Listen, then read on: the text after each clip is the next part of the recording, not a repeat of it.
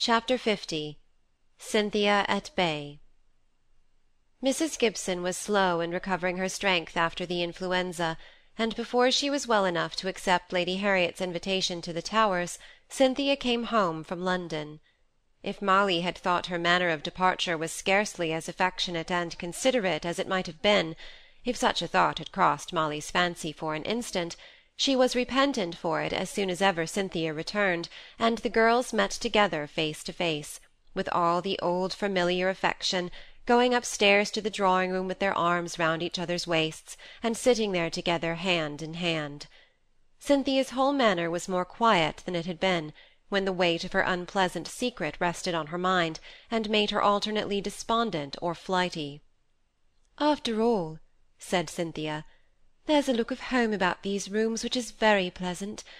But I wish I could see you looking stronger, mamma. That's the only unpleasant thing. Molly, why didn't you send for me? I wanted to do, began Molly. But I wouldn't let her, said Mrs. Gibson. You were much better in London than here, for you could have done me no good, and your letters were very agreeable to read, and now Helen is better, and I'm nearly well, and you've come home just at the right time, for everybody is full of the charity ball. But we are not going this year, mamma, said Cynthia decidedly. It's on the twenty-fifth, isn't it? And I'm sure you'll never be well enough to take us. You really seem determined to make me out worse than I am, child, said Mrs. Gibson rather querulously, she being one of those who, when their malady is only trifling, exaggerate it, but when it is really of some consequence, are unwilling to sacrifice any pleasures by acknowledging it. It was well for her in this instance that her husband had wisdom and authority enough to forbid her going to this ball, on which she had set her heart, but the consequence of his prohibition was an increase of domestic plaintiveness and low spirits, which seemed to tell on Cynthia, the bright, gay Cynthia herself, and it was often hard work for Molly to keep up the spirits of two other people as well as her own. Ill health might account for Mrs. Gibson's despondency, but why was Cynthia so silent, not to say so sighing? Molly was puzzled to account for it, and all the more perplexed because from time to time Cynthia kept calling upon her for praise for some unknown and mysterious virtue that she had practised, and Molly was young enough to believe that after any exercise of virtue the spirits rose, cheered up by an approving conscience. Such was not the case with Cynthia, however. She sometimes said things such as these, when she had been particularly inert and desponding. Ah, Molly, you must let my goodness lie fallow for a while. It has borne such a wonderful crop this year. I have been so pretty behaved, if you knew all. Or, Really, Molly, my virtue must come down from the clouds. It was strained to the utmost in London and I find it is like a kite; after soaring aloft for some time, it suddenly comes down and gets tangled in all sorts of briars and brambles, which things are an allegory, unless you can bring yourself to believe in my extraordinary goodness while I was away, giving me a sort of right to fall foul of all mamma's briars and brambles now. But Molly had had some experience of Cynthia's whim of perpetually hinting at a mystery which she did not mean to reveal in the Mr. Preston days and although she was occasionally piqued into curiosity, Cynthia's allusions at something in the background fell in general on rather deaf ears. One day the mystery burst its shell, and came out in the shape of an offer made to Cynthia by Mr. Henderson, and refused. Under all the circumstances, Molly could not appreciate the heroic goodness she so often alluded to. The revelation of the secret at last took place in this way. Mrs. Gibson breakfasted in bed, she had done so ever since she had had the influenza, and consequently her own private letters always went up on her breakfast tray. One morning she came into the drawing room earlier than usual, with an open letter in her hand. "I've had a letter from aunt Kirkpatrick, Cynthia. She sends me my dividends, your uncle is so busy. But what does she mean by this, Cynthia?" holding out the letter to her with a certain paragraph indicated by her finger. Cynthia put her netting on one side, and looked at the writing. Suddenly her face turned scarlet, and then became of a deadly white. She looked at Molly as if to gain courage from the strong, serene countenance. It means mamma, I may as well tell you at once. Mr. Henderson offered to me while I was in London, and I refused him. refused him! and you never told me, but let me hear it by chance. Really, Cynthia, I think you are very unkind.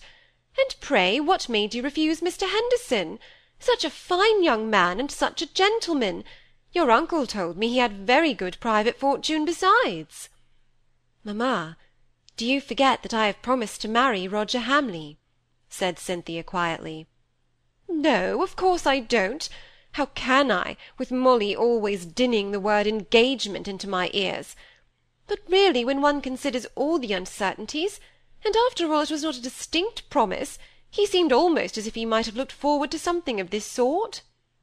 Of what sort, mamma? said Cynthia sharply. Why, of a more eligible offer. He must have known you might change your mind, and meet with some one you liked better, so little as you had seen of the world.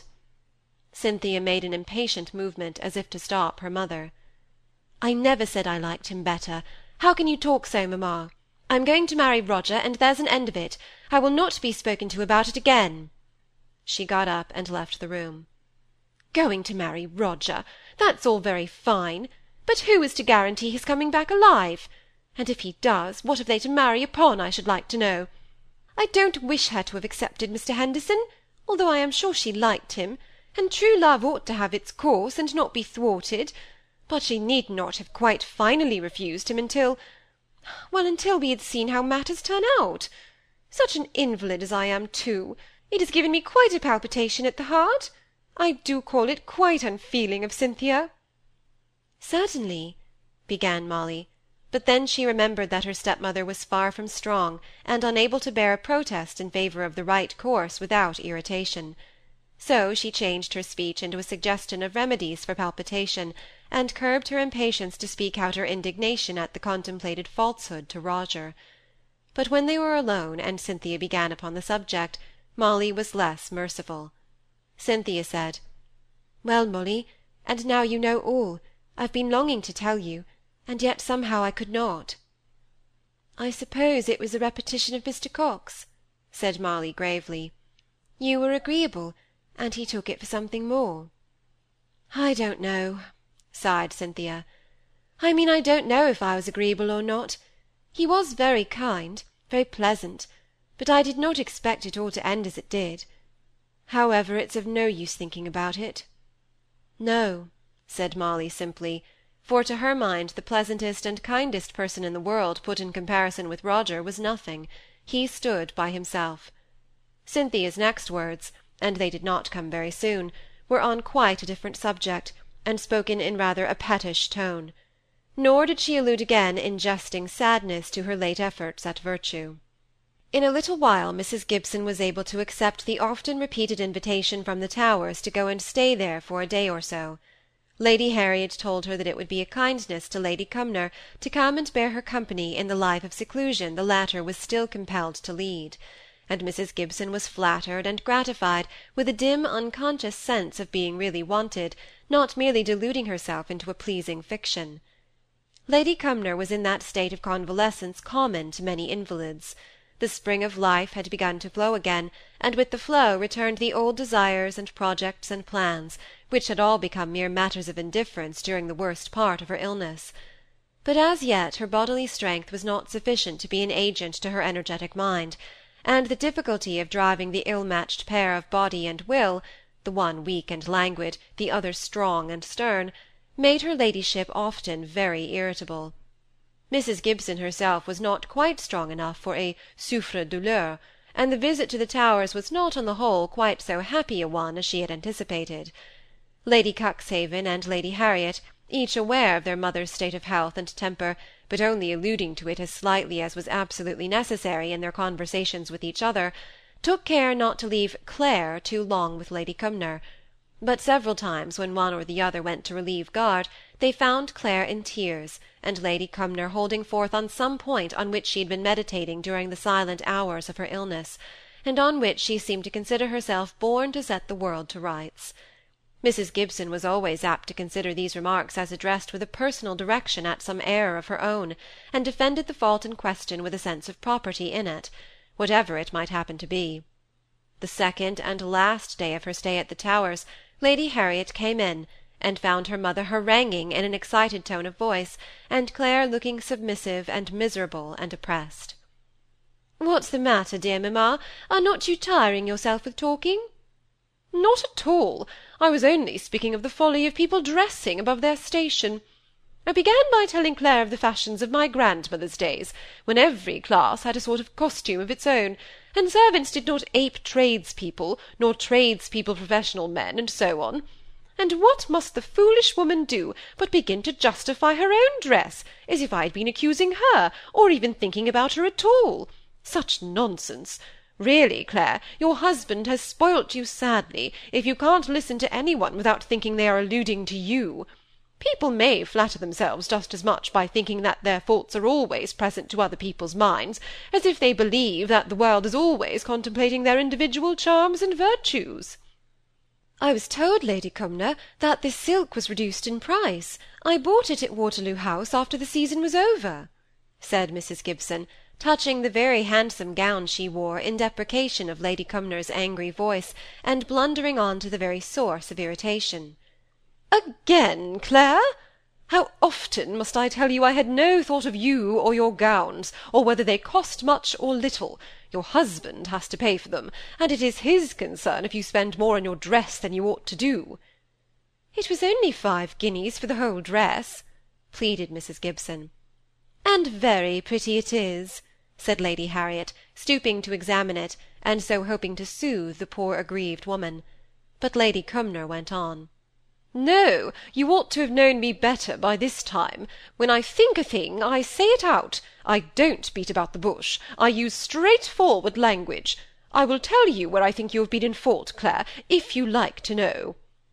Like it or not, the plain speaking was coming now. You have spoilt that girl of yours till she does not know her own mind. She has behaved abominably to Mr. Preston, and it is all in consequence of the faults in her education. You have much to answer for. Mamma, mamma, said Lady Harriet, Mr. Preston did not wish it spoken about. And at the same moment Mrs. Gibson exclaimed, Cynthia, Mr. Preston? In such a tone of surprise that if Lady Cumnor had been in the habit of observing the revelations made by other people's tones and voices, she would have found out that Mrs. Gibson was ignorant of the affair to which she was alluding. As for Mr. Preston's wishes, I do not suppose I am bound to regard them when I feel it is my duty to reprove error," said Lady Cumnor loftily to Lady Harriet. "And, Clare, do you mean to say that you are not aware that your daughter has been engaged to Mr. Preston for some time, years, I believe, and has chosen last to break it off, and has used the Gibson girl, I forget her name, as a cat's paw, and made her both her and herself the town's talk? the butt for all the gossip of Hollingford. I remember when I was young there was a girl called Jilting Jessie. You'll have to watch over your young lady, or she will get some such name. I speak to you like a friend, Clare, when I tell you it's my opinion that girl of yours will get herself into some more mischief yet before she's safely married. Not that I care one straw for Mr. Preston's feelings. I don't even know if he's got feelings or not but I know it is becoming in a young woman, and jilting is not. And now you may both go away, and send Bradley to me, for I'm tired and want to have a little sleep.